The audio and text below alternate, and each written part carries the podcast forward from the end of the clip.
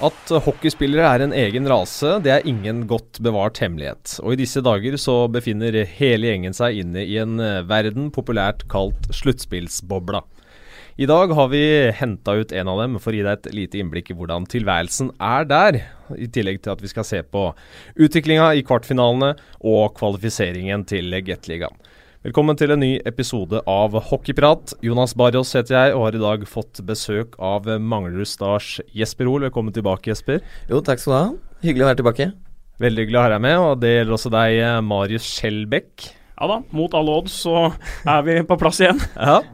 Uh, jeg innledningsvis, da, sluttspillsbobla, men det, det, gjelder tydeligvis ikke for alle, Jesper, som kommer rett fra skidag med 570 elever. Nei, er, eh, Jeg har levd i sluttspillbobla i, i, i, en del år før. Nå det ikke, ikke, har ikke tid til det så mye lenger nå, med, med full jobb uh, på, som inspektør ved siden av.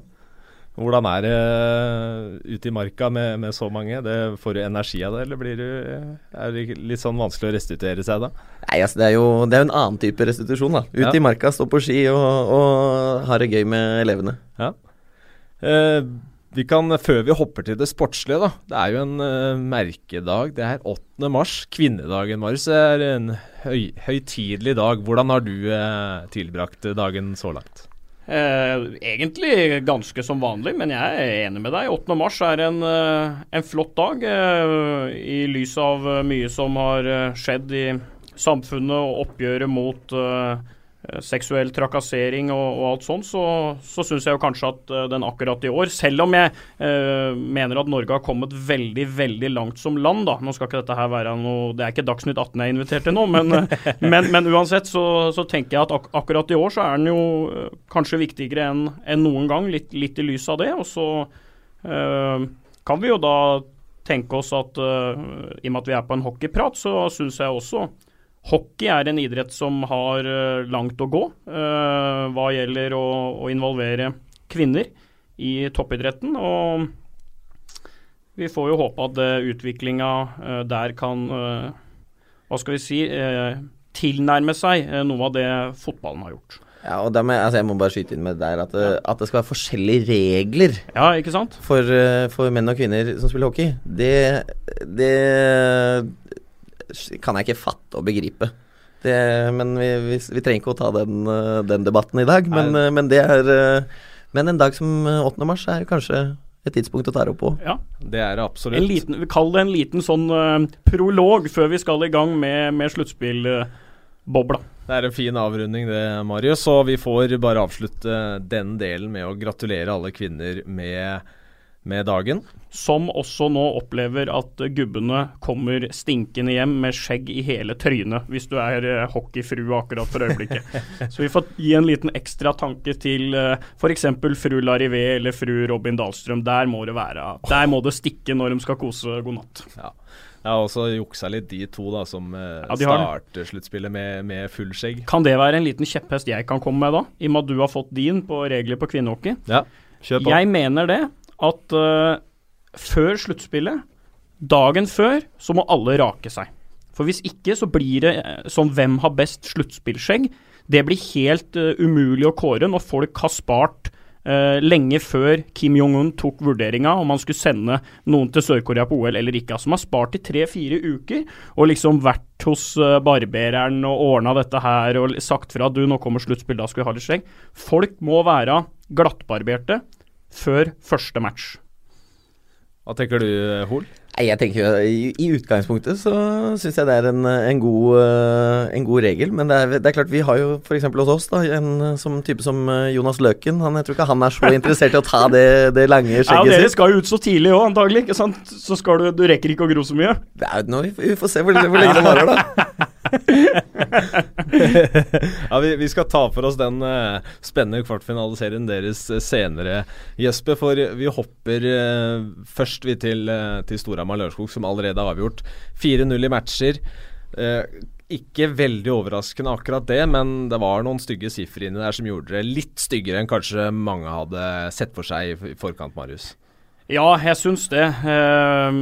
det. Det ser jo nesten ut som det er ett seniorlag mot et juniorlag. Uh, og hvis man ser på fødselsdatoer og fødselsattester og sånn, så er det ikke så veldig langt unna. Du har uh, Trygg som trekker den aldersprosenten veldig opp, men det er jo et veldig ungt lag, Lørenskog.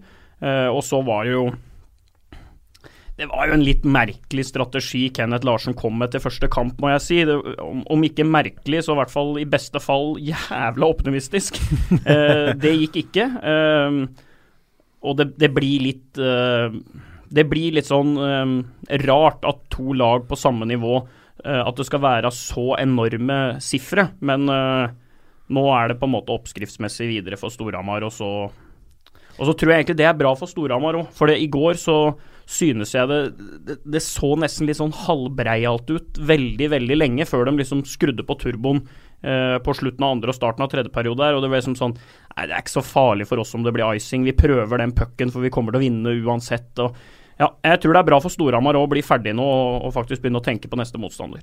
Ja, så tror jeg litt sånn For, for Lørenskog sin del så var det nok en ganske sånn stor utladning, det at de faktisk sikra den sluttspillplassen i siste ja. runden der, og gjør at man på en måte hva skal jeg si, nesten er i, i, i mål med sesongen sånn som ja, den utvikla seg. da. At man er, man, er mer, man er, mer, fornøyd med at det blei sånn, enn at man måtte opp til Narvik for å spille kvalik. Ja. Samtidig vil jeg si at det, det, det, er litt skuffende, er det ikke det? Når du først får hjelp med å komme deg inn i sluttspillet, at man ikke tar muligheten. Og da tenker jeg mest på de litt mer etablerte som eh, skal gå foran og, og dra dette Lørenskog-laget, eh, som så litt heller resignert ut. da. Eh, det, var en grei åpning på kvartfinalen. Eh, Storhamar leda 1-0 etter første periode. Litt tam forestilling sådan da.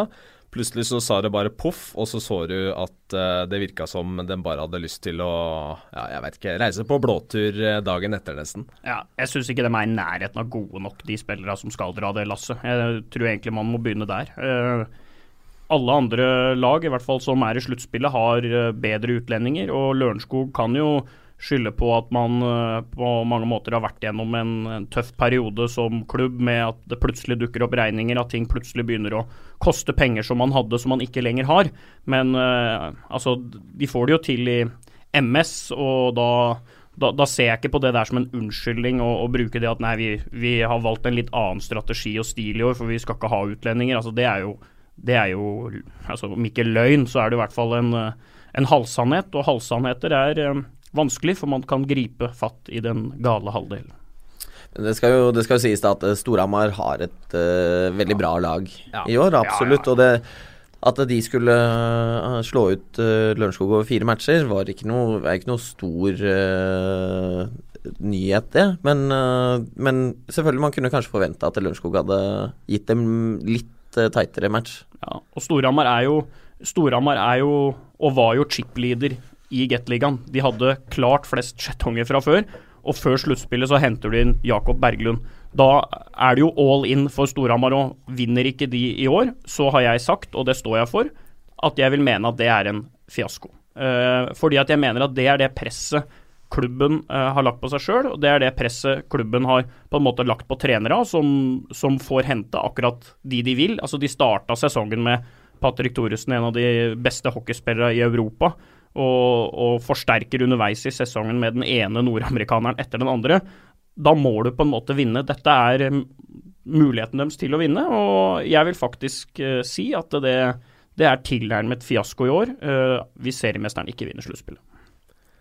Uh, bare en ting jeg hadde lyst til å spørre om, uh, Jesper. En av dere i Manglerud-gruppa. fordi I og med at dere uh, var jo med på å servere dem sluttspillsplassen. ganske spesiell utvikling på den matchen, for å si det mildt. Der dere henter opp Stjernens 3-0-ledelse og vinner til slutt. Da, da Dave plukker keeperen og går for 4-4.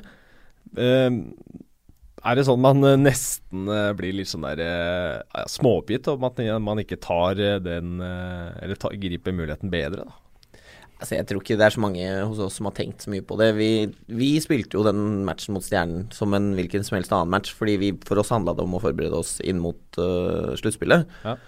Og Stjernen starta jo veldig bra i den matchen og, og fikk jo en 3-0-ledelse. Men jeg, altså jeg har vært med på det sjøl, at når du da får ett mål imot, så blir det nervøst. Og så kommer den andre, og, Og da når det går sånn fram og tilbake, og Stjernen leda 4-3 der, og på en måte vi kunne jo ikke, vi kunne ikke la være å ta ut keeperen for å prøve å utligne. Det hadde jo også sett veldig merkelig ut. Ja. Nei, nei, vi, vi, vi taper heller eh, 4-3. Ja. Det hadde ikke gått, ikke sant. Sånn Med en at, trener i en historikk i den andre klubben som var i spill om den plassen. Ja, Som også er et element Ja, ja, her, i Livingston. Absolutt. absolutt. Så for oss så handla det egentlig Det handla egentlig om å gjøre den, den uh, matchen best mulig. Og så er det jo selvfølgelig, når man tar ut keeperen, det er alltid litt tilfeldigheter om du, om du scorer eller blir scora på. Og i den matchen så, så var det en styring som gikk inn, og, og sånn ble det. En innstilling man eh, kan like, i hvert fall. Eh, litt eh, nærmere inn på Storhamar. Ja. Vi må jo prate om han som er i hovedrollen der, Cody Curran, som eh, til tider gjør hva han vil. Hva, hva syns du om det han leverer så langt? Han har seks pluss sju på fire matcher. Altså, Cody Curran er for meg som bearnéssaus. Altså, når den er på sitt aller beste, så er den fantastisk god. Eh, når den ikke er på sitt aller beste, så er den allikevel bedre enn de fleste andre sauser du har mulighet til å velge på menyen. Du, biff med bearnés, liksom. Du, du tar det uansett, for det, det er alltid litt bedre enn sånne rødvinssky og soppsauser og Altså, han, han skiller seg ut som det beste nesten i hver kamp, men fordi at han er så god, da, føler jeg, så blir det jo litt sånn at man leter jo litt med lupe etter feil òg. Man tenker nei, i dag, se for meg det på Hamar, liksom, når folk setter seg inn i bilen. I dag var ikke han Cody noe særlig, syns jeg. Jeg syns han driver med mye rart, jeg. Og så går du egentlig inn i det, og så ser jeg oi, han hadde to mål og en assist. Ja, ja han, var kanskje, han var kanskje banens beste likevel, da. Jeg føler han er eh, Han er eh, av de beste importene jeg har sett i Gateligaen på lang, lang tid. Absolutt, han har vært, hatt en fantastisk sesong, og det, og det virker som at eh, Gat-ligaen er en liga som passer han ekstremt godt å spille i. Det er jo, Vi har hatt mange gode importer i, i ligaen her flere år, og noen lykkes i, i, i større ligaer, andre gjør det ikke, kanskje, selv om man kanskje hadde forventa at de skulle gjøre det. Og det blir, jeg tipper jo at eh, han fort ender opp i en, en større liga neste år, og det blir spennende å se om hans kvaliteter kommer til rette i en, eh, et annet sted også. Så er han så god til å Han er så Når du ser eh, I går så var jeg jo på Lørenskog og, og så kampen, riktignok fra da, tribuneplass. eh, og det er, så, det er så morsomt å se når det er sånne latente breakaways, da, altså situasjoner hvor det kan oppstå et brudd. Da ser ikke jeg så mange andre backer i Gateligaen som hele tida tar den sjansen da, for å fylle på og skape to mot én, tre mot to. De tjuvstartene føler jeg liksom at Cody Curran gjør hver gang, og det gjorde han jo faktisk også et mål på i går. Og det er en sånn eh, jeg, jeg tror det er noe med at han, han veit han er så god og rask og smidig på skøyter at dersom det ikke skal gå, så er det nesten sånn at han, han kan nesten rekke hjem igjen hvis det, hvis det du får et brudd andre veien igjen. Så nei, han syns jeg har vært en, eh, en fornøyelse å se på. Ja, det, jeg syns det er litt sånn spesielt å se på han nå når han klarer liksom kommer runde, runde eget mål med pucken, drar seg framover. Han- Du ser han har bestemt seg for at nå skal han i hvert fall ikke eh, stoppe å gå før han er en meter fra motstanderens mål. Det, og frekvensen hans er jo ikke så veldig høy. Det ser nesten ut som han bare liksom skyver seg litt framover, men eh, han har en eh, veldig tendens til å klare å dra seg gjennom og dra seg også forbi, da. Eh, hvordan er det å spille mot han, Jesper? Det er, det jo en, er jo en spillende back med veldig god teknikk. Og det er klart, har, man har noen Det er jo sånn, det, som sier, sånn skøyteteknikk kan være ganske fascinerende, da. Noen ser ut som de ikke går så mye på skøyter, og så går det allikevel ganske fort. Mens andre har fryktelig frekvens på beina, og det går egentlig ikke så fort. Og, og Curran er jo en med, som, som sklir av gårde og, og uh, har bra tempo og bra teknikk og bra pasninger, og absolutt uh, en toppspiller. Og sånne spillere er liksom Jeg føler at de spillere der er veldig mm, lett å bli litt forelska i òg. Sånn som Carlsson er for, eh, for svenskene. Og, og vi har jo hatt det litt sånn i Gateligaen før, med han eh, Chartier var jo litt sånn. Han Colomb var jo også en, eh, en sånn eh, slepen, elegant back, da. Og jeg i hvert fall føler at de, de spillere har liksom ja, de, de har så langt fra de går fra eget mål og opp, ikke sant. Så da, når de uh, fører pucken og, og setter i gang angrepene, så det er liksom noe sånn majestetisk når, uh, når Curran eh, kommer oppover, syns jeg. Så er det jo morsomt når alle som er med utpå der, tør å involvere seg i, i spillet. Det er jo da det blir uh, mest moro. En statistikk jeg har lyst til å framheve òg. Steffen Thoresen. Skåret fem mål på fire matcher. Uttellingsprosent på 62,5. Det er greit, uh, Hol. Altså 62,5, det er, det er ganske, ganske smått utrolig. Det er, skulle, ønske jeg, skulle ønske jeg var i nærheten av det. ja. Kan avrunde den med en uh, twittermelding som kom fra Lørenskog-kaptein Mats Trygg i dag, hvor det står følgende. Da takker vi for i år. Takk til våre trofaste supportere for støtten. Klubben kommer sterkere tilbake. Og takk til eh, Storhamar for kampen, og lykke til videre. Tapet var lettere å svelge når man taper mot et så godt lag. Og det er vel greit eh, oppsummert, er det ikke det, Marius? Jo, svarer jeg på det. Ja. Så har vi en, eh, en annen kvartfinaleserie kvartfinaliserie som eh, ble forlenga etter at Vålerenga slo tilbake etter tre strake tap i Furuset Forum i går med en sterk 5-3-seier. Vært en morsom kvartfinaliserie. Får vi se hvor langt den ender opp med å gå. Forrige podkast eh, sammen med Bjørn Ervik så spådde vi at vi kom til å få seks eller sju matcher der. Det så ikke veldig sånn ut eh, etter forrige kamp i Kristinshall, men eh, med kniven på strupen så leverte Roy Johansens menn. Hva tenker du om, om der, Jesper? Når man først får den ene seieren, da klarer man å, å dra til seg noe særlig energi på å hente det opp, eller? Det er klart det. Jeg tror, jeg tror ikke Vålerenga har ikke klart til, å, klare til å ta sommerferie helt ennå. Og det så ut som uh, Tobbe hadde bestemt seg for at uh, denne sesongen skal være lenger. Uh, ja. Med å banke inn tre der i går. 4-0 i matcher, det ville jo vært en, en liten fiasko for Vålerengas del også, for de har jo et bra lag. Er du gæren? Det ville, en, det ville, ikke vært en fiasko, det ville jo vært bortimot tragisk hvis Norges mestvinnende klubb, Norges stolteste liksom, ishockeyforening, skulle ryke blankt. Det har de vel aldri gjort, så vidt meg bekjent. Det kan jeg, eh, det, det kan jeg i hvert fall aldri tenke meg at Vålerenga noen gang har gjort. Så det ville ha vært eh, det ville ha vært trist. Jeg tror de kommer til å tape dette her uansett, men eh, det, det gir i hvert fall noe, da. At du har, du har i hvert fall vunnet én kamp, da. Og jeg tror altså, de kommer til, Det kommer til å bli knalltøft eh, oppe på Lillehammer i morgen, men, eh, men det er klart at uh, vinner de den matchen der Jeg tror ikke Lillehammer har noen lyst til å dra ned igjen til, til Furuset Forum for å spille den, den, sjette matchen. Jeg har vært med på det faktisk to ganger i, i sluttspillet mot uh, Storhamar, at vi har egentlig leda, mm. leda serien ganske, ganske, greit og komfortabelt, og så plutselig så står du der, og så er det kamp sju. Det er uh, Man er da har Ja, den kamp sju er jo ekkel uansett. Men, og nå er jo ikke Follestad back i, uh, i Vålerenga mer, så nå slipper Storhamar å tenke på det.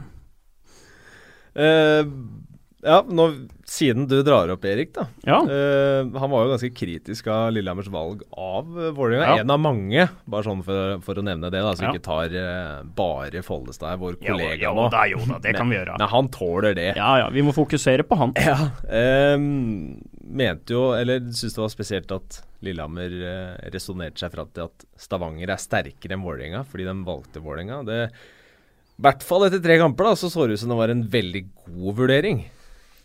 Ja, øh, så er det vel Det er klart, når det Stavanger-greiene er som det er, og det, det, ligger på en måte på kartet som det gjør, så vil jo alltid det økonomiske aspektet trekkes inn, og det hater jo alle klubbledere og alle trenere og sånn å prate om, men selvfølgelig har det en effekt. Det er, det, det er jeg helt overbevist om, og syns for så vidt det er helt fair at klubba ikke velger å snakke om det sjøl, men øh, jeg tror at det også teller med i den vurderinga av motstander. og ja, nå har, når, du vinner de tre første kampene, så er det jo liksom Da er det jo i hvert fall greit å gjøre det sånn.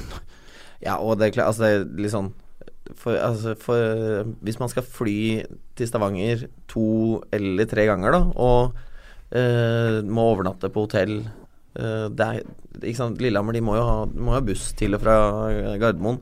Det er, det er dyrt for et lag. ikke sant? Det er klart, det, det, er som sier, selv om ikke klubba egentlig vil snakke om det, så det, det spiller en rolle. Ja, ja. Dette tror jeg egentlig var klart tidlig, at det var det Lillehammer kom til å, til å gjøre. Ja, I tillegg har vel Lillehammer har vel vært ganske komfortable i de matchene mot Vålerenga. Altså, jeg, jeg, tror ikke de, eh, selv om Vålerenga har, har, et bra lag og har mange gode spillere, så tror jeg de følte at det, sånn, uh, matchupen der var ganske komfortabel, og at de har troa på at de skal ta seg videre til, uh, til semifinalen. 4-1 tror jeg det var i serien mellom Lillehammer og Vålerenga. Så sånn sett et ganske formidabelt overtak sånn rent statistisk òg. Ja. Interessant eh, keeperduell òg. Bengsberg levert veldig bra. Fikk kjørt seg litt mer i går. Mens uh, Steffen Søberg, som uh, hadde det tungt i de tre første matchene, han slo tilbake. 92 i redningsprosent i går, men står med 85,1 etter fire matcher. Det, han må vel opp på godt over 2,93 hver match nå for at de skal ha muligheten. Ja, det, det, det, tror jeg absolutt, men det, men det, er klart at den store, den store greia der har jo vært at eh, Lillehammer har jo vært ekstremt effektiv i Powerplay. Ja. Og, og, ja, og, det var det jeg skulle fram til. Ja, og Powerplay er, Powerplay er jo når du, du, får jo relativt mye større sjanser enn i fem mot fem-spillet. Og sånn sett er det kanskje ikke helt rettferdig for eh, keeperens uh, statistikk, men, men, det er klart at Vålerenga er avhengig av at uh, Steffen uh, står bra hele veien. Ja, og han han er, som jeg ser det, uh, ikke i nærheten av uh, da han har vært på sitt beste. Uh, jeg synes han han, han, er, han, har ikke lenger den derre Hva skal jeg si, de der ville matchvinnerredningene som, som, nesten bare Steffen Søberg har hatt omtrent fra han var 18-19 år gammel. Føler jeg at kanskje han han har ikke ligget helt på det nivået i år, og så har jo selvfølgelig ikke laget foran vært Altså, det har vært presumptivt svakere, det også, men vi vet jo at han kan. Altså Han er jo en keeper som kan på en helt ellevill dag være, være umulig å score på. og det er jo så enkelt som det at har han de dagene igjen, så går Vålerenga til semifinalen. For slipper du ikke inn mål, så går du jo videre. Så it's hope in a hanging snore. Eh, det var jo altså, en del faktorer som liksom måtte til for at man, hvis Vålerenga skulle vinne, og akkurat samme, eller lignende faktor hvis Lillehammer skal vinne den serien her. Uh, foreløpig så er det toppspillerne til Lillehammer som har levert, og da spesielt til Powerplay, som du var innom, uh, Jesper. Mens uh, Lindstrøm og Alholm slet veldig med produksjonen. Har vært den giftigste duoen i ligaen her hele sesongen. Uh, før gårsdagens match så var det vel kun én assist på dem totalt, og svarte Lindstrøm riktignok med hat trick, og det viser bare hvor viktig han er, kanskje spesielt, da, sammen med Alholm, for at Vålerenga-laget leverer. Ja, det er klart. Eh, Tobbe var vel den som hadde nest flest poeng i ligaen i år. Så det er klart at uh, Vålerenga er jo avhengig av det. Rasmus hadde også mye poeng. Og det er klart, Vålerenga er avhengig av at disse toppspillere deres, om det, er, om det er en Martin Ylven eller om det er uh, altså Andreas Stene um, De må, må, produsere for at uh, Vålerenga skal skåre nok mål til å slå ut Lillehammer. Mm. Vært litt ordkrig i media eh, som eh, har med litt andre ting enn eh, mål å gjøre også. Eh, om filming og en litt sånn ukultur. Og det er vel sånn på toppen av det hele, så er det vel det som blir liksom stående igjen her. Vi, vi snakka litt om, om, en annen ukultur her, Jesper, når du, når du var her sist. Eh, da var det om taklinger og at det var en dårlig kultur der med dårlige holdninger osv. Eh, Føler du at filming og kanskje mer overspilling da, føler du det er et problem i norsk ishockey? Eh, jeg vet ikke om jeg vil gå så langt som å si at det er et problem, men det holder på å bli et problem. Ja. vil Jeg kanskje si. Jeg syns det er eh, Jeg syns det er uh, en, del, en del overspilling, og det er jo handler jo også om at på en måte man ønsker jo å få dommeravgjørelsene med seg. Og noe man føler at man ikke Altså hvis du hvis du prøver å, å, å, holde deg på beina, eller ikke Altså blåse om du får den kølla i ansiktet og sånne ting, så føler du at det ikke blir tatt. Ja. Uh, men jeg mener jo at eh, på en måte den, den, debatten rundt det, da, det burde er, er liksom Filming er jo ikke noe vi vil ha i hockeyen. Og, og her må man jo da gå inn med de virkemidlene som, som man kan ha da, for, for å få en, en, slutt på det. Og det er klart sånn som I NHL så har de jo begynt med bøter. Det, det, er, ikke, det er, ikke, sikkert at det er så aktuelt i Norge, men, men altså, man, at man kan gå tilbake og, og eventuelt gi karantene da, ja. på, på, filming. Ja. Uh, fordi det er noe man må ta, ta opp med rota. da. Det er ikke noe vi vil ha. Og jeg ville starta også med en annen ting, og det er med regelverket. Fordi uh, det står i regelverket at konsekvenser av taklinga kan føre til ytterligere eller sterkere straff. Ikke sant? Det er et prinsipp som i mine øyne er helt bak mål. For er taklinga stygg nok og hard nok og fører til en skade, så men, da er det matchstraff uansett.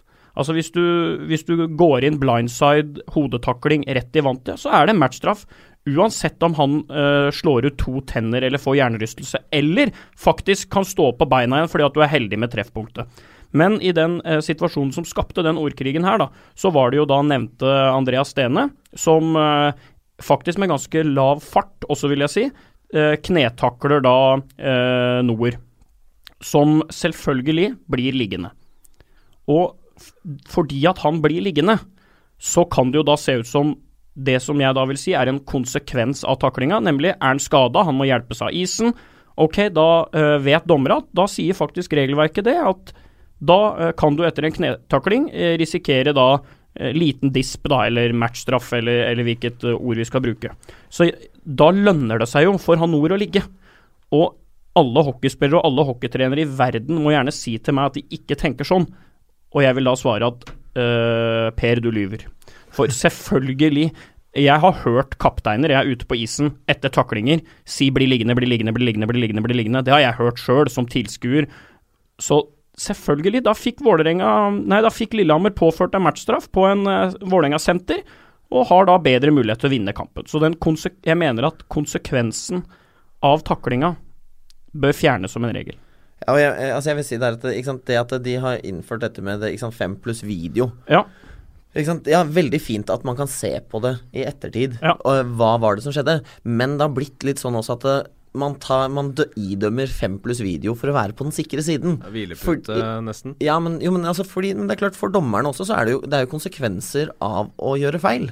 Sånn at det da, for dem så er det bedre å Eller virker som, da, at det er bedre å si Uh, ja, vi tar fem pluss video på den. Uh, og så, og så, se, så, ser vi på det etterpå, og så ser vi om det, om det faktisk var uh, matchstraff eller ikke. Du kan jo brekke beinet på de mest vilkårlige ting. Og derfor mener jeg at det med at, at spillere kan bli skada, det kan faktisk være utur òg. Altså, det trenger ikke å være fordi at taklinga nødvendigvis er så voldsom. For er taklinga så voldsom i utgangspunktet, så er det jo ikke noe tvil. Da sier jo i hvert fall reglene at det er matchstraff. Så jeg føler bare at det der er en litt sånn det der er et lite sånn der, uh, hår i regelsuppa som jeg tenker at hvis du i hvert fall klarer å finne det, det så bør du bare få det ut av suppa. Ja, men, men, nei, men, jeg er helt enig, fordi altså, ska, skader kan jo oppstå av en rein takling. Ja, ikke sant? Uh, eller altså, du trenger ikke være en takling engang. Nei. Spillere, spillere kan bli skada. Og det, det, kan ikke være sånn at uh, fordi det ble skade, så er det utvisning. Det er jo, Så jeg er helt enig der. At uh, måte, det er jo handlingen som det må dømmes på. Ja, og det ser du at dommere eh, fra tid til annen også kan bli litt usikre på, og det skjønner jeg fryktelig godt. For eh, i den nevnte situasjonen da, med Nord og Stene, så er farta så lav i utgangspunktet òg at, at du ser til og med at dommeren han er ikke oppe med hånda umiddelbart. Han lar det faktisk gå noen sekunder, tenker seg om, ser at Nord faller, ser jo at beinstillinga til Stene har vært sånn Ok, dette er ei knetakling. Her, her, er det i hvert fall to minutter. Og så blir han liggende, og så går tida, og så kommer det folk ut for å bære, og så ender det med at Stene må øh, ikke få spille noe mer i kampen, og han Noer spiller to bytt seinere. Så det der gjør jeg, jeg tror at sånne ting kompliserer ting for, for de som skal dømme òg. Absolutt, men, men, jeg vil jo bare også si der at det uh, nå, Jeg har faktisk ikke sett akkurat denne, denne situasjonen, Nei. Nei. men det kan jo altså sånn, Bare sånn fra spiller uh, Det å være utsatt for en takling også Du kan jo faktisk få Altså fryktelig vondt. Lårhøne, for eksempel. Ja, og så du, sitter du to minutter på benken, og så kjennes det bedre ut, og du går ut på der, og du har lyst til å være med og bidra for laget. Sånn at på en måte man kan ikke, man kan ikke hver gang si ja, men han spilte byttet etterpå. Men men jeg er helt enig, det kan, ikke, det kan, ikke, være sånn at man dømmer fem pluss video fordi spilleren ble liggende, hvis man har vurdert situasjonen eh, som annerledes i utgangspunktet. Og der tenker jeg også da, Det burde jo være muligheter altså, er, Nå er jo ikke regelverket sånn i dag, men at i utgangspunktet, hvis du, dømmer, hvis du mener at det var en to minutter, da, så burde det også være mulighet for å gå tilbake og se se på situasjonen. da. Mm. Ok, ja, vi dømte to minutter fordi det var det det så ut som. Så ser vi her Å ja, det her skulle ha vært matchstraff med karantene. Så må det på en måte være Eller det burde være mulig å gjøre det også. Ja. Dermed så ville jo ikke konsekvensene hele tiden være så store. For det er klart, for et lag å få fem minutter uh, i undertall, det, det tærer på krefter. Så løsningen her, Skjelbekk, en eh, regelendring og en wall of shame? Ja Ja, kanskje det. Kanskje det kunne vært noe. Jeg, vi, får, vi får høre hva Geir Thomas eh, sier, dommersjefen, hvis, hvis vi treffer han litt senere i sluttspillet. Han har nok noen innvendinger mot, uh, mot en del uh, vurderinger vi i kommentatorbua gjør også. For, uh, for, for, å si det sånn, jeg vil jo tro at feilprosenten vår også er er til stede. Den så alle, der, ja. alle, gjør feil, ikke sant. Og man må bare legge til rette for at feil ikke nødvendigvis trenger å bli så graverende. Ja, så tenker jeg at det er, det er jo også på en måte det å ta debatten ut altså sånn rett etter man har tapt en kamp eller uh, altså vært i en eller annen situasjon. Det Ofte så syns jeg det, det, fremstår mer som, som sutring enn ja at man faktisk er ute etter å ta debatten på ordentlig. Og at det må gjøres ordentlig da ved å eventuelt se på regelendringer og gå den veien, da, istedenfor å, for å gå ut i, i, i, media og si at det eller det laget, ja, de bare filmer, de bare filmer. Uh, at det må, det må, gjøres på en ordentlig måte, da. Så tror jeg òg at dette òg handler om mind games. Ja, det er det jeg skulle fram til. For du skal ikke langt ned i lomma før du drar opp kortet med å dra opp en ting for å flytte fokus fra en prestasjon eller et eller annet sånt, da. Nei, altså vi er jo, vi er jo som alle andre dyr. Vi lar jo ytre omstendigheter påvirke oss. Og eh, hvis da en eh, først sjampo går ut og sier at uh, dommerne må skjerpe seg fordi de, uh, de uh, dømmer altfor mye utvisninger, og det er feil linje ene kampen. Og etter neste kamp igjen så går Roy Johansen, også en veldig mektig skikkelse, som når Roy og Sjampo sier noe, så blir det en sak i VG. Når eh, sportssjefen til Stjernen sier noe, så er det Fredrikstad Blad. Ikke sant? Så når de to sier noe, så gir det jo et avtrykk som gjør at det blir stående til debatt. Nå sitter vi i en podkast og debatterer noe for at de to sa det. Og dette her gjør jo selvfølgelig at dommere, motspillere Altså, dette påvirker. Og i et sluttspill så må du hente marginer der du kan. Og da skjønner jeg faktisk at man, man gjør ting for å prøve å, å vippe ting litt i sin favør, da. Siden eh, da, da, skal vi la Mikael Kvarnstrøm også komme til ordet, da, så ikke blir bare Roy Johansen og Sjampo her. Eh, for han eh, var raskt ute og svarte mener at Roy må feie for egen dør. At situasjonen i Vålerenga-laget ikke er noe bedre. Og at Johansen bare prøver å påvirke dommerne her. Hva tenker du om det, Marius? Nei Nei, altså, jeg, nei. Jeg, jeg, tror ikke han bare prøver å påvirke dommerne. Og litt som du sier, og Jesper, så er jo dette er jo et resultat av kampens hete òg. Du er rett etter at du har tapt, og den pucken du tapte med, da, den var 1,3 cm over linja òg uh, i kamp tre. Kamp to. Og da, ja. da, da, tror jeg at, uh, at han, eh, Roy gjør det jo ikke bare for å påvirke dommerne. Jeg tror faktisk han, han mener litt òg, fordi at han er skuffa og irritert og, og litt sånn òg, men uh, Si litt av hvert, da. Du er litt for å påvirke dommerne, litt fordi du mener det, og litt fordi at du er sur og gretten etter et tap. Vi kan la den ligge der. Og bevege oss videre til kvartfinaliserien mellom Frisk Asker og Stavanger. Der er Frisk Asker kun én seier unna å få en uh, revansje fra fjorårets finaletap. Vil nok ikke være et veldig stort plaster på såret, men i hvert fall være et skritt nærmere en ny finale. Frisk Asker Eh, vant 3-1 i DNB Arena i går. En eh, bra seier av Sune Bergmanns menn, det. Så får vi se hvordan Stavanger Oilers klarer å svare på det her med kniven på strupen. En ganske ukjent posisjon igjen, det for Pål Gulbrandsens menn. Ja, helt klart. Uh, de har jo stinka i hele år, da. Så det er jo ikke ukjent uh, i form av at uh, du er vant til å tape kamper, noe de har gjort i år. Men det er jo ukjent når det gjelder, for å si det sånn. nesten ingen av disse spillerne har vært med på dette her, i hvert fall som Stavanger Oilers-spillere. og da er, det, da er, det, plutselig noe å ha DNB Arena der og fryktelig mye folk på tribuna og, og, hele den greia der. Er ikke sikkert at det nødvendigvis blir noe positivt da. Det kan faktisk føre til litt høye skuldre og, og sånn, og nå tror, de, nå tror jeg de ryker nå på første forsøk, og da, da vil det garantert bli en opprydning i, i, Stavanger. Jeg kan ikke se for meg at de, at de kan leve med dette her. Og noe av grunnen er jo er jo selvfølgelig at man har bomma. Man har bomma på de som skal eh, styrke dem. Og når de ikke er all verden, så, så blir laget ordinært. Et, et vanlig norsk ishockeylag som, som har sine styrker og har sine svakheter, men det blir jo ikke noe godstog som kan sammenlignes med det Lillehammer og, og Storhamar har, sånn jeg ser det.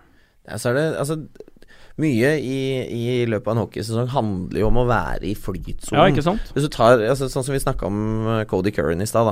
En, spiller, en fantastisk god spiller som har vært i flytsonen lenge. Da får du til de utroligste ting.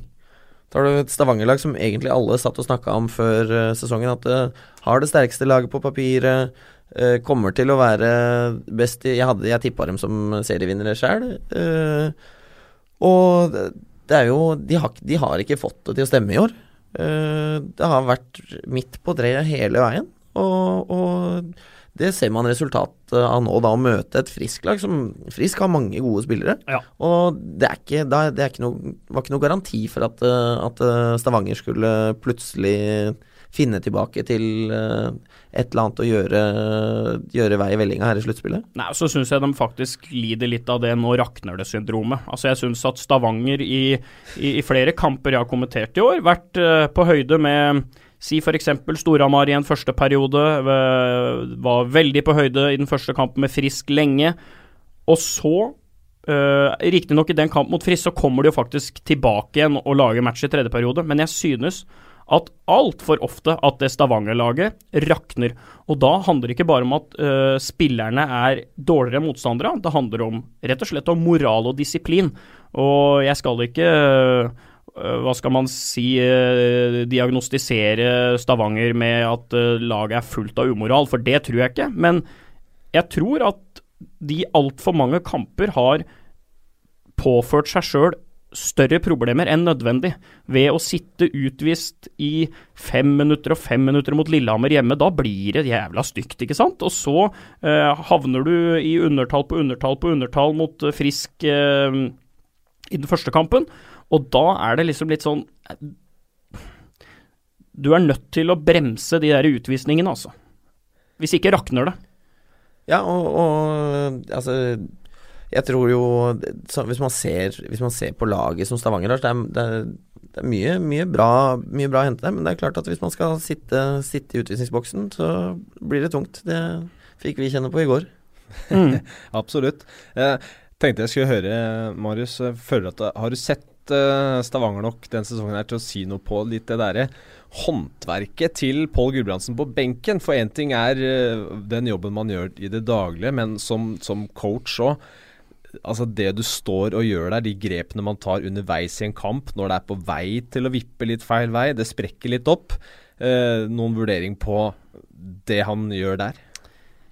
Nei, eh, ikke noe sånn eh, Jeg har ikke noe inngående kjennskap til hvordan han disponerer og, og, hva som er oppgavene til de forskjellige spillerne. Men det er nok ikke noe tvil om at Pål Gulbrandsen uh, lever farlig som uh, Stavanger-trener nå. Jeg tror exit her betyr uh, ny trener. Pål fikk det til veldig bra med et litt eller veldig mye bedre lag i sin første sesong. og sånn sett uh, mestra det å ta over etter mesteren, for å si det sånn. Det, ikke, det er ikke bare bare å skulle være førstemann som uh, skal lede Oilers etter Petter Thoresen. Det greide han bra. Og så er jo da spørsmålet om var det litt for mye i det laget som hang igjen? Var laget sånn og sånn drilla med Petter? Er det nå, uh, er det nå syretesten til Pål var som trener? Jeg tror da man også da må ta med at mange av spillerne har vunnet mye før. Mange av spillerne har vært bedre før enn de har vært denne sesongen, så jeg tror at det er ikke bare å fjerne Pål Gulbrandsen og sette inn en ny en, og så vinner Stavanger the double neste år, men at, at, jeg tror at Stavanger ikke kan leve med å fortsette som de gjør nå, det Jeg tror at dette ender med exit. Men også har jo, altså Stavanger har jo vært gjennom et, et, en form for et generasjonsskifte også. Det er jo klart at det, uh, Petter hadde samme stammen i laget flere år. I, før denne sesongen her så var det, det var mange, det er mange nye spillere i, i Stavanger. Og det er ikke, det er ikke bare å, å, å, knipse med fingrene, og så er alt, alt, som det var. Det tar tid eh, for spillerne å komme til en ny klubb og etablere seg der og finne sin eh, rytme der. Men, men eh, jeg tror ingen i Stavanger er fornøyd med den sesongen som har vært til nå. Nei, og, og, ikke sant? og når du da henter inn noen nye, og du har noen som begynner å telle litt på knappene fra før, og så henter du inn en bunch med utlendinger som ikke er i nærheten av å styrke deg. Altså, han uh, Romano var uh, trist. du hadde han Reed, var ikke akkurat all verden, for å si det pent. Og du står jo med en finne som er så grå at det er jo Det er jo Han, han skylder jo nesten assist og mål, han. Han har skapt så lite. Og, og, jeg skjønner at man trenger noen grindere og dill og dall i et lag. Altså, alle kan ikke være David Beckham. Du må ha noen Nikki Butter innimellom òg. Men hvor mye penger skal du bruke på det? Det lurer jeg på. Og der har de bomma, rett og slett. Trygve Svendsen, som uh, har veldig god koll på Oilers og deres historie, uh, skrev på Twitter i går at uh, kornsirkelmysteriet blekner i forhold til hvorfor Trettenes har blitt holdt borte fra Cornet og Rapuzzi i denne serien. Sikter da til at Kokkala istedenfor har spilt uh, mellom ja. dem. Ja, han har ikke vært all verden, det må jo bare sies. Det, det vil være Det er litt rart hvis du sitter for en fire-fem år siden og sagt at uh, i uh, 2018 så skal både Vålerenga og Stavanger Oilers ryke ut med glans allerede i kvartfinalen, så er det ikke så fryktelig mange som har trodd på deg. Så det er uh, det er i hvert fall eh, et bevis på at det er jo ingen imperier som varer evig.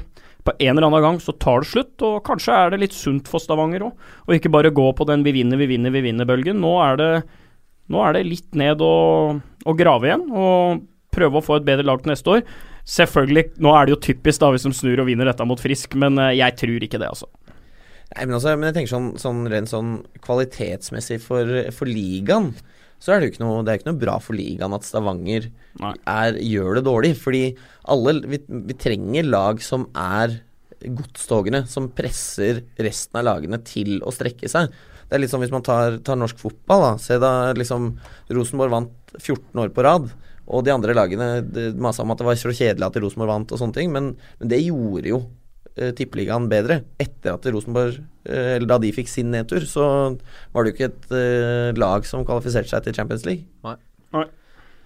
En mann som har gjort det veldig vanskelig for Oilers i denne serien, Niklas Dahlberg. Som ja. har hatt en litt varierende sesong. Virker å være har funnet formen, han. Med 95,2 redningsprosent og sett veldig bra ut. Ja, han er, han er også en sånn keeper som du føler at han, han kan redde alt sjøl om han står på huet bak fram uh, når han har de dagene. og for han så tror jeg dette betyr litt, som blei kjørt over i DNB Arena første kampen i finalen i fjor.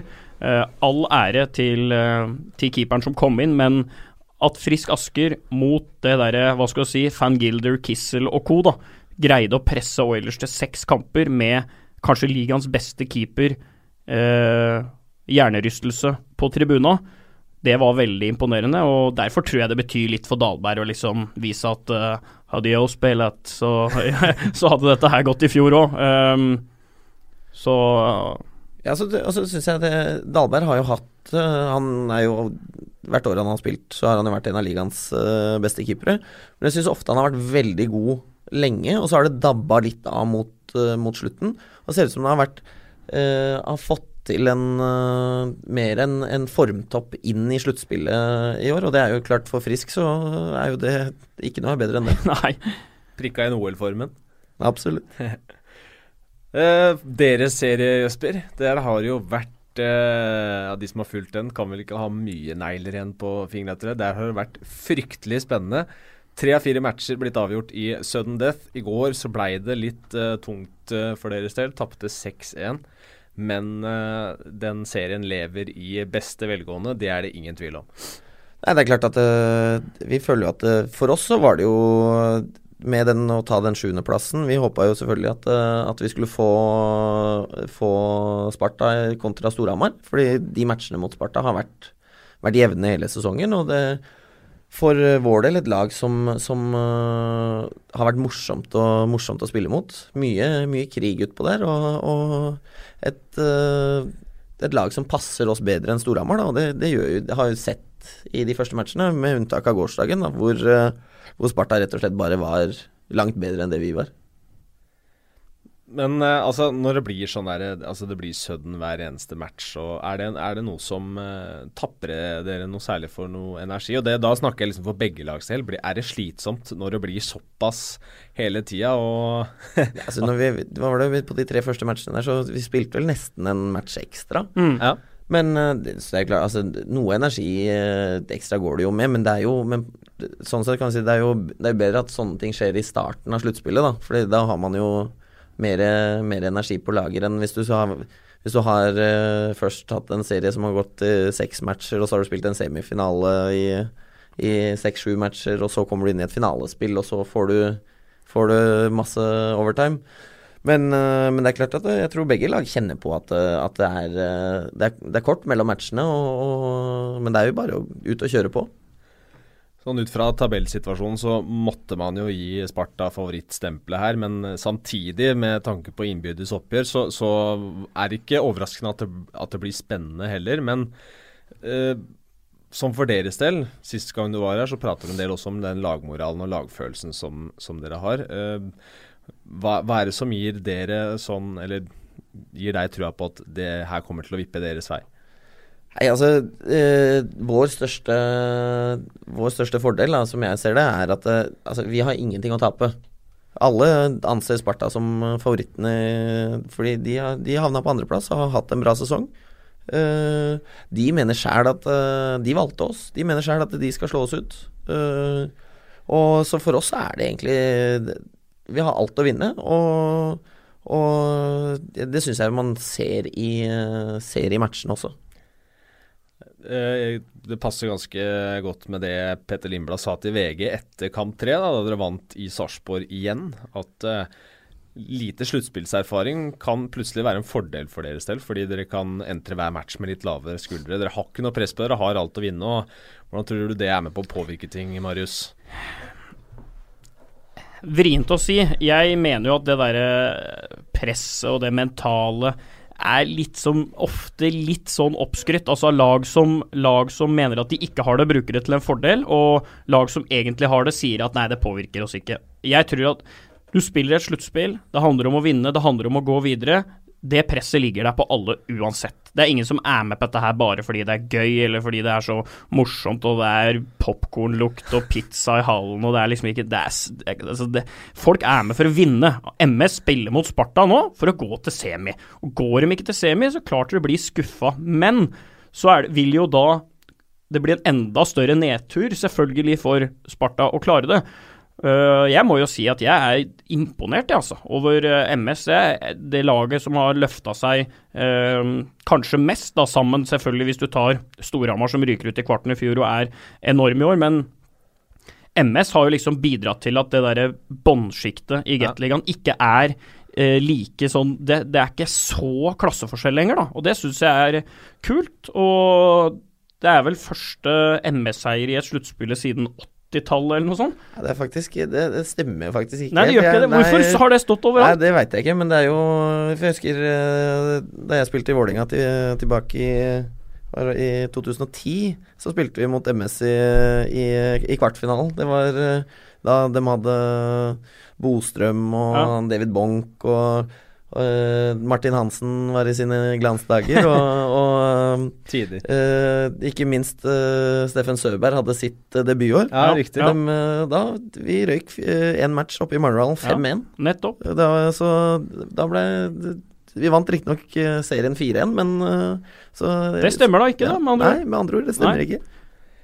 Men, men, eh, men, når sant skal sies, det har ikke vært, det har ikke vært mange av de seira siden 80-tallet. Nei, det har ikke florert. Nei, og nå er det på en måte heller ikke, syns jeg, tilfeldig at de kommer. Og det er tross alt mot, som du sier, Sparta valgte dere. Sparta var nummer to på tabellen. Valgte dere, og likevel så ser du at det er jevnt. Så er det jo spørsmålet nå som det lir og lakker utover i serien, at, eh, at kreftene tar litt slutt. Sparta har litt flere rekker som er jevne og kan gå med. At det kanskje nå vil bli noen uh, stygge tap, da, så sitter jeg med sånne imaginære jugekors under bordet her uh, og, og, under Jesper alt godt de siste kampene her. Men jeg, jeg tror at uh, det, det, kan bli tøft nå, men herre min hatt, det har vært en, det har vært en utrolig åpen og kul kvartfinaleserie til nå. Ja, altså, det er klart vi sier, altså, vi drar til Sarpsborg i morgen for å vinne. Det er, det, er ikke noe, det er ikke noe å lure på. Og, og vi, har, vi har vunnet der to ganger allerede i denne serien, så vi, vi har full tro på at, eh, at vi kan uh, ta et nytt stikk i, i, i morgen. Og uh, på en måte det Litt sånn vi har, vi har hatt tidligere år også, hvor vi har gått på noen, gått på noen stygge tap og er tilbake igjen matchen etter. Det, så det, det, er, det er glemt i dag. Og så er nest, det er nesten ikke et navn som minner meg mer om hockey enn Manglerudstar, MS. Det er liksom noen Uansett hvilken spiller du treffer eller hører om, hvor han? Nei, det er gammel MS-gutt. Nei, han er gammel MS-gutt, spilte opp i garasjen. Så det er liksom Det er jo noe litt sånn derre uh, Hva skal man si? Litt sånn derre nostalgisk og sånn vintage da, over Manglerud Star, liksom. Du, du føler liksom at det er, det er vært en sånn hockeyfabrikk som Uh, som har eksistert oppe på um, østkanten et eller annet sted i en litt sånn der drabantlandskap, og så, så har det egentlig aldri blitt noe, noe mer enn det i vår levetid, da. Og det syns jeg er, det er litt kult med MS. Kule drakter og Nei, jeg, jeg liker Manglerud Star, altså. Det er, det, og der har jo alle vært. Alle har vært i MS en gang, liksom. Det er ikke måte på hvor mange som kommer oppi derfra. Ja, men Det er jo en hel haug av spillere Ja, i nå som, som uh, har vokst opp der. Ja, det, det, det, er, det er jo det jeg mener. ikke Ja, sant? At ja, det, det er- det er et sånn navn som hele tida kommer liksom trekkende opp i en diskusjon. Det er litt av et talent Vålerenga har fått opp nå. Han er ikke Vålerenga-gutt, han er MS-gutt. Så det er kult at, eh, at klubben også får vist seg oppe, da. Absolutt. Der hvor det også kan vise seg å bli litt mer spennende enn jeg og Bjørn Erik eh, kanskje tipsa om eh, forrige uke. Kvaliken.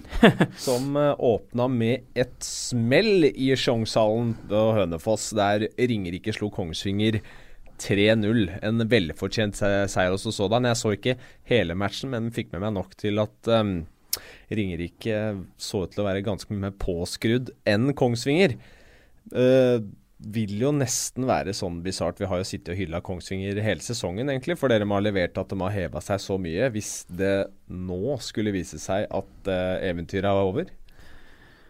Ja, eh, nå har jo hockey eh, tradisjonelt sett ikke hatt noe sånn enorm historikk for at, eh, for at lag rykker veldig opp og ned. Da. Det er jo litt mer sånn Det er jo de samme laga i langt større grad enn i andre idretter år til år. Men så kan det jo hende at det der spiller inn at Kongsvinger er et lag som er vant til å tape. Møter Ringerike, et lag som er vant til å vinne. Og du ser jo dette her f.eks. i fotball, så skjer jo det ofte at når kvalikene kommer, så er det ikke given at det laget som er på høyere nivå, eh, kommer til å slå det andre laget som har hatt en veldig sånn positiv reise til den kvalikkampen. Kanskje er den første kampen et resultat av akkurat det.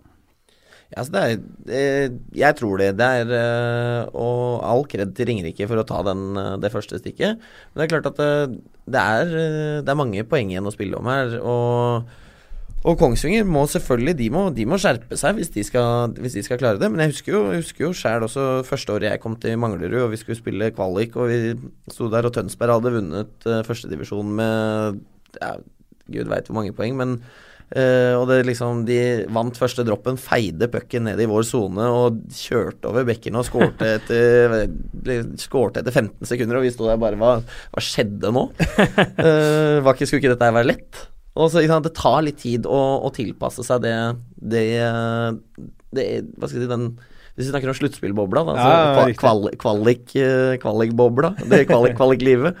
Så, men eh, Kvalikdråpen. ja. Sluttspillbobla, kvalikdråpen. Dråpen, ja, ikke sant. Så, men øh, Og så jo i fjor også da, at Kongsvinger berga seg jo i, i siste, siste runden.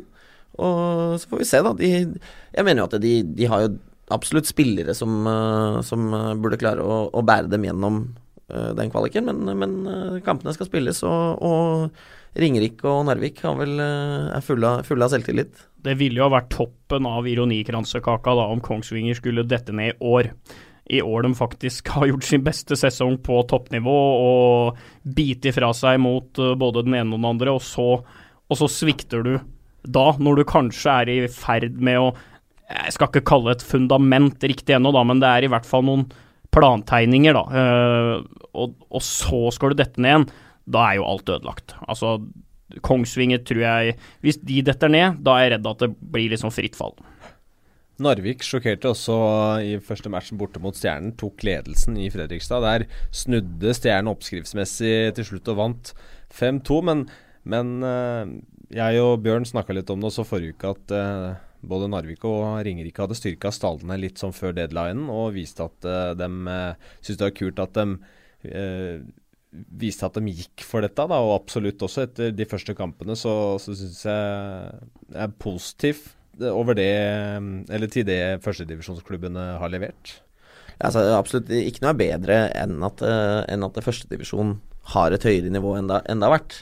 Det, skal, måte, det er ikke noe bedre for norsk hockey enn at det er flere lag som er gode. Uh, når det er sagt, så tror jeg, tror jeg, Stjernen kommer til å ha få problemer med, med å vinne kvaliken. Uh, så blir det spennende å se om, om uh, Kongsvinger uh, klarer å, å, få tilbake litt av det de kanskje hadde spesielt før jul, da, mm. hvor de tok en del poeng. Mm. Hva tenker du om å få enten Ringerike eller Narvik til Getna? Jeg tenker jo at sånn Det er det alltid, kan være positivt med, noe, nye lag og noe nytt blod. Uh, samtidig så har vi jo sett før at det lag som har rykka opp, har uh, enten at de uh, har satsa for hardt og gått konkurs, eller at de har satsa for lite og blitt en kasteball. Og, og Gateligaen er ikke tjent med noen av delene. Det er ikke noe, Vi kan ikke stå ved juletid neste år og ha et lag som har gått konkurs fordi de hadde brukt altfor mye penger. Eller, og det er ikke noe litt sånn som Uh, si, Ikke noe vondt om Kongsvinger, men sånn som fjorårets sesong, da de tok seks poeng. Det, det, er vi heller ikke, heller ikke tjent med. Nei.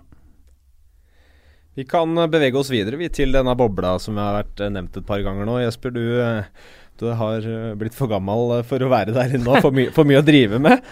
Men du kan i hvert fall ta oss litt gjennom det. Hvordan, ja, vi kan ta nå-situasjonen, da. Hverdagen i et sluttspill. Hvordan er det når man endelig er der? Nei, det er klart, altså, sluttspillet er noe du, du Altså Man gleder seg til det hele, hele, sesongen, og kanskje spesielt fra etter nyttår. Man begynner å virkelig se fram imot den derre den intensiteten. Og og, de, og det, er jo klart det er, det er, noe spesielt med å møte det samme laget annenhver dag. Og du, du, du, Altså, man har hele tiden sånne interne dueller med noen på det andre laget. Noen som irriterer deg litt mer enn andre. Det er uh, småting hele veien som gjør det. Og så har du liksom den derre utafor uh, utafor arenaen-livet, da, når du liksom Alt handler om at ok, jeg må være mest uh, best mulig forberedt hele veien. Ok, jeg kan ikke gjøre, kan ikke gjøre det, fordi det kan, kanskje det kan være jeg skal ikke gå og møte noen og spise middag ute, liksom. Det, nei, jeg må, skal hvile. Det skal, være, det skal være pasta og kjøttsaus, og det skal være Bein, Beina høyt og, og Ja, ja. Det, hele den uh, Hele den Hva skal jeg si rekka der må være på plass for at ting skal funke. Og at uh, man, Som idrettsutøver så blir man jo ganske, om man ikke skal kalle det for overtroisk, så man får jo seg sine egne type ritualer fordi man en form for, altså Man forsøker jo å gjenskape gode prestasjoner hele tiden, og da, da finner man de tingene man liker å gjøre i forberedelsene sine. Hva er din sykeste rutine? Altså Hva er din, din sprøeste lille greie?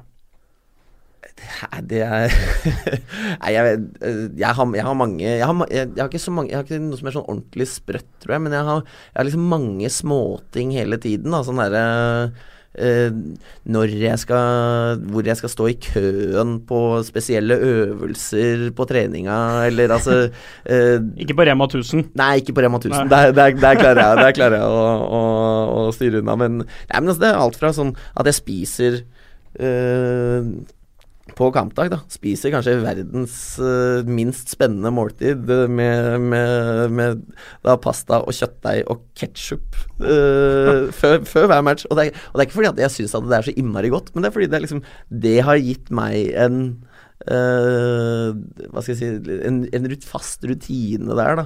Uh, og, men altså på en måte Men noen har jo, har jo helt uh, Helt spesielle ting. Så det er jo det, Men sånn er folk, er litt forskjellige. Jeg har jo hørt om hockeyspillere som har tatt på seg skøytene, gått og driti, og så gått tilbake igjen og fortsatt. For det er døms. Det, det var den rutinen.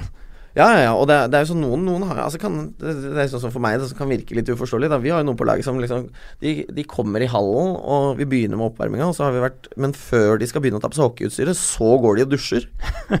og så liksom Og så skal jeg ta på meg hockeyutstyret. Det, det, det er litt sånn det, det er ikke Det tenker For meg hadde det vært helt unaturlig, men, men øh, hva skal jeg si det var, Whatever floats your boat. Men det er litt kult det, da, Marius, at Mm. den, den kuleste tida for hockeyspillere, det som liksom er høytida, er så lite glamorøst at det er uh, en liten lur her og der, og du må huske på om du tar på deg sokken på høyre eller venstre beinet først, og uh, pasta og kjøttsaus og Det er liksom Det er ikke, det er ikke noe glam, da. Nei, og det er jo egentlig det som er uh, hockeyens natur òg. At uh, det er jo derfor dette her med, med skjegg eh, kom inn eh, som en eh, amerikansk greie, liksom, som man har adoptert. Det skal liksom være gubba som skal, som skal liksom måle hvem som er sterkest ute på isen, og det er rom for å slå litt, og det er rom for å, å, å være litt Hva skal man si? bøllete, da. Og den tror jeg liksom hockeyen veldig veldig skal stå ved. Det jeg selvfølgelig håper, er jo at ting rundt kan bli litt annerledes. At arenaene kan bli litt mer innbydende, at konseptet kan bli litt mer delikat à la det du har i DNB Arena. For jeg tror man er sjanseløs på å lokke massene til idretten hvis, eh, hvis på en måte hallene skal fortsette å være som de er. Da. Det må rett og slett kunne bys på noe mer. I går så dro man eh, 18.15 fra Oslo for å se hockeykamp på Lørenskog, og man var hjemme klokka ti. Da må det tilbudet som eh, er i den hallen, må på en måte være forsvarlig hvis du skal ta med deg unger og koner og venninner av koner. Og, eh, da må liksom noe skje, og det håper jeg jo bare blir uh, en bedring på.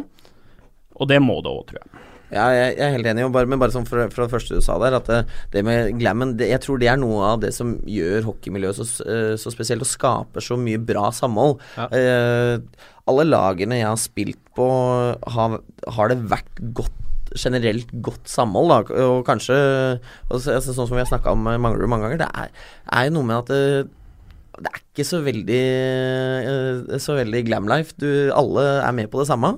Og, og sånn er det, men jeg er helt enig med Marius når jeg sier at vi må få proffere rammer rundt det hele. Jeg kan, ta, jeg kan bruke Manglerud som eksempel. Er, når man klarer å da I den kamp to i kvartfinalen, så har man stengt kioskene mellom tredje og sudden. Det, og åpner ikke opp igjen. Så er det sånn hva, Altså, publikum eh, har vært i hallen i over to timer, og så Nei, nei. Kioskene er stengt fordi eh, Folk trenger proviant, rett og slett. Nødrasjoner. ja, og Ja. altså det, det er jo s- Det holder ikke, da, hvis vi skal, hvis vi skal kunne kalle oss for en, en øh, profesjonell liga hvor uh, uh, Altså, vi jobber for å få et bedre og bedre produkt, så må, må profesjonaliteten være mer enn bare spillerne. Ja. Men det som, eh, som jeg biter meg merke i, da, som, eh, som kommenterer eller eh, jobber med forskjellige idretter, er jo litt det der med det samholdet. For fotball har jo eh, nå utvikla seg til det, og dette gjelder ikke bare når den svære Real Madrid-bussen parkerer og slipper Isco, Ronaldo og Tony Cross inn i garderoben. Og de går der med headset, en toalettmappe og tygger tyggis. Dette har forplanta seg i hele fotballen. Altså, i Obos-ligaen i Norge så går det spillere med svære headset, bærer skoa sine i en sånn toalettmappe, går ut på bana eh, time halvannen før kamp og ser litt opp og tar litt Snapchat og går inn igjen. Hockeyspillere har jo et helt annet samhold. De gjør all, allting sammen. Eh, sånn som jeg ser det veldig ofte. Man står og trikser, spiller litt fotball. Jeg har aldri sett en hockeyspiller gå ut på isen med propper i øra, for å si det sånn. Man går alltid, føler jeg, sammen og kødder litt og prater litt. Og det der er en uting som jeg ikke skjønner at, eh, at fotballen har beveget seg til. Det er, jeg, jeg kan ikke fatte det. Hvorfor skal folk gå og høre på Hvorfor skal du høre på Eminem på Strømmen stadion halvannen time før du skal møte Levanger, liksom? Altså, gjør det deg psykisk sterkere? Sånn var det jo ikke før. Så det der skal jeg rose hockeyen for og ta fotballen litt for, for det der er et konsept jeg aldri kommer til å skjønne. Ehm, Den bobla, Jesper. Du har jo altså, du har vært med i sluttspillet en eh, god del år. Og har også vært i den bobla en, eh, en stund før også. Hvordan er det inni der? Nei, det er, eh, det er moro, da, først og fremst. Det er jo altså Jeg elsker sluttspillet. Ja. Det, er, det er det morsomste ved å spille hockey. Det er Hva skal jeg si Hver match er, er knallviktig, og, og man må bare gjøre sitt ytterste for å hjelpe laget. Og det er klart, det er, men det er stor forskjell, da. Det er jo for min del da, om å spille sluttspill med med Manglerudstad, eller om det var, har vært med Vålinga eller om det i sin tid var med Komet, eh, til og med. Det, det er jo store kontraster fra et, eh, et sluttspill med Vålinga hvor vi Det var på en måte Vi antok at vi i hvert fall skulle til finalen, og hadde alltid målsetninger om å vinne. Mens eh, på en måte sånn som i, i år da med, med Manglerud, at eh, man kjemper hele sesongen for å sikre oss en plass i sluttspillet. Det er, er jo på en måte to ganske ulike tilnærminger til det. Absolutt. Det, det skjønner jeg også. Um, har du noen uh, Altså, vi var litt inne på ritualer. Uh, har du noen uh, lagkamerater opp igjennom som har hatt noen veldig merkelige ting de har drevet med, eller? Ja, da må jeg, da må jeg tenke, meg litt, uh, tenke meg litt om. Uh, men uh, det er Det er klart at det er, det, er mange som, det mange som har drevet med, med, med mye rart. Men jeg kommer, jeg kommer ikke på noe ordentlig godt eksempel her nå. Men jeg skal, jeg skal komme med det hvis jeg kommer på. Hvert fall, det er mye rart, og jeg regner med i hvert fall at familie og venner blir kanskje litt sånn ekstra obs når, når det er sluttspillstider på det. Kanskje ikke alltid de bare tør å eh, ringe for å ta en sånn tomprat og sånn, for de veit at ja, i morgen så har en viktig match, og da, da skal du ikke sitte og prate piss om, eh, om alt og ingenting. Det gjør du med gutta. Er det litt sånn, eller? Ja, altså det, det, er, eh, det er klart at man, man, le, som, altså man lever jo i dette her hele, hele tiden, og da man kutter ut mye annet da i, i sluttspilltida. Du har ikke tid til å drive og være med på kino eller uh, dra ut og spise eller uh, gjøre alle, alle, de tingene som man kanskje har et sånn normalt sosialt liv utafor hockeyen. Uh, men samtidig, sånn Nå kan jeg bare snakke for, for mine kompiser, da, og da på en måte opplever jeg jo ganske stor forståelse at de, de veit at i de, i de ukene sluttspillet foregår, så da er det bare det er bare dropper, det, og så tar, tar vi dem på andre siden. Men uh, ja, jeg tror ikke Podkast er vel ikke en vanlig sånn oppladningsgreie for deg, Jesper, i sluttspillet, men det var i hvert fall veldig hyggelig av deg å ta, ta turen hit i dag. Det setter jeg pris på. Ja, takk for at jeg fikk komme. Veldig hyggelig å ha med deg igjen, og det gjelder deg også, Marius. Tusen takk for at du ble med oss. Bare hyggelig. Så til alle dere som har hørt på, hjertelig takk skal dere nok en gang ha. Ta, Gi oss en, uh, gjerne en tilbakemelding på iTunes eller Twitter. Finner oss der på uh, at 2 hockeyprat. I morgen, altså fredag kveld, så ser du oppgjøret mellom uh, Frisk Asker og Stavanger Oilers fra Askerhallen. Skal du dit, eller, Marius? Eh, da må jeg høre med vår hockeysjef Remi Taule, men jeg tror ikke det. Nei, jeg nei, tror men- ikke det er jeg som skal kommentere den, men jeg skal se på den. Ja, det blir garantert en spennende match. De to andre de ser du på TV2 Sumo som vanlig. Du får ha lykke til eh, mot Sparta, Jesper. Jo, takk skal du ha. Så er vi tilbake med en ny episode om en drøy uke, så dere får bare kose dere med sluttspill og kvaliken fram til da. Så høres vi.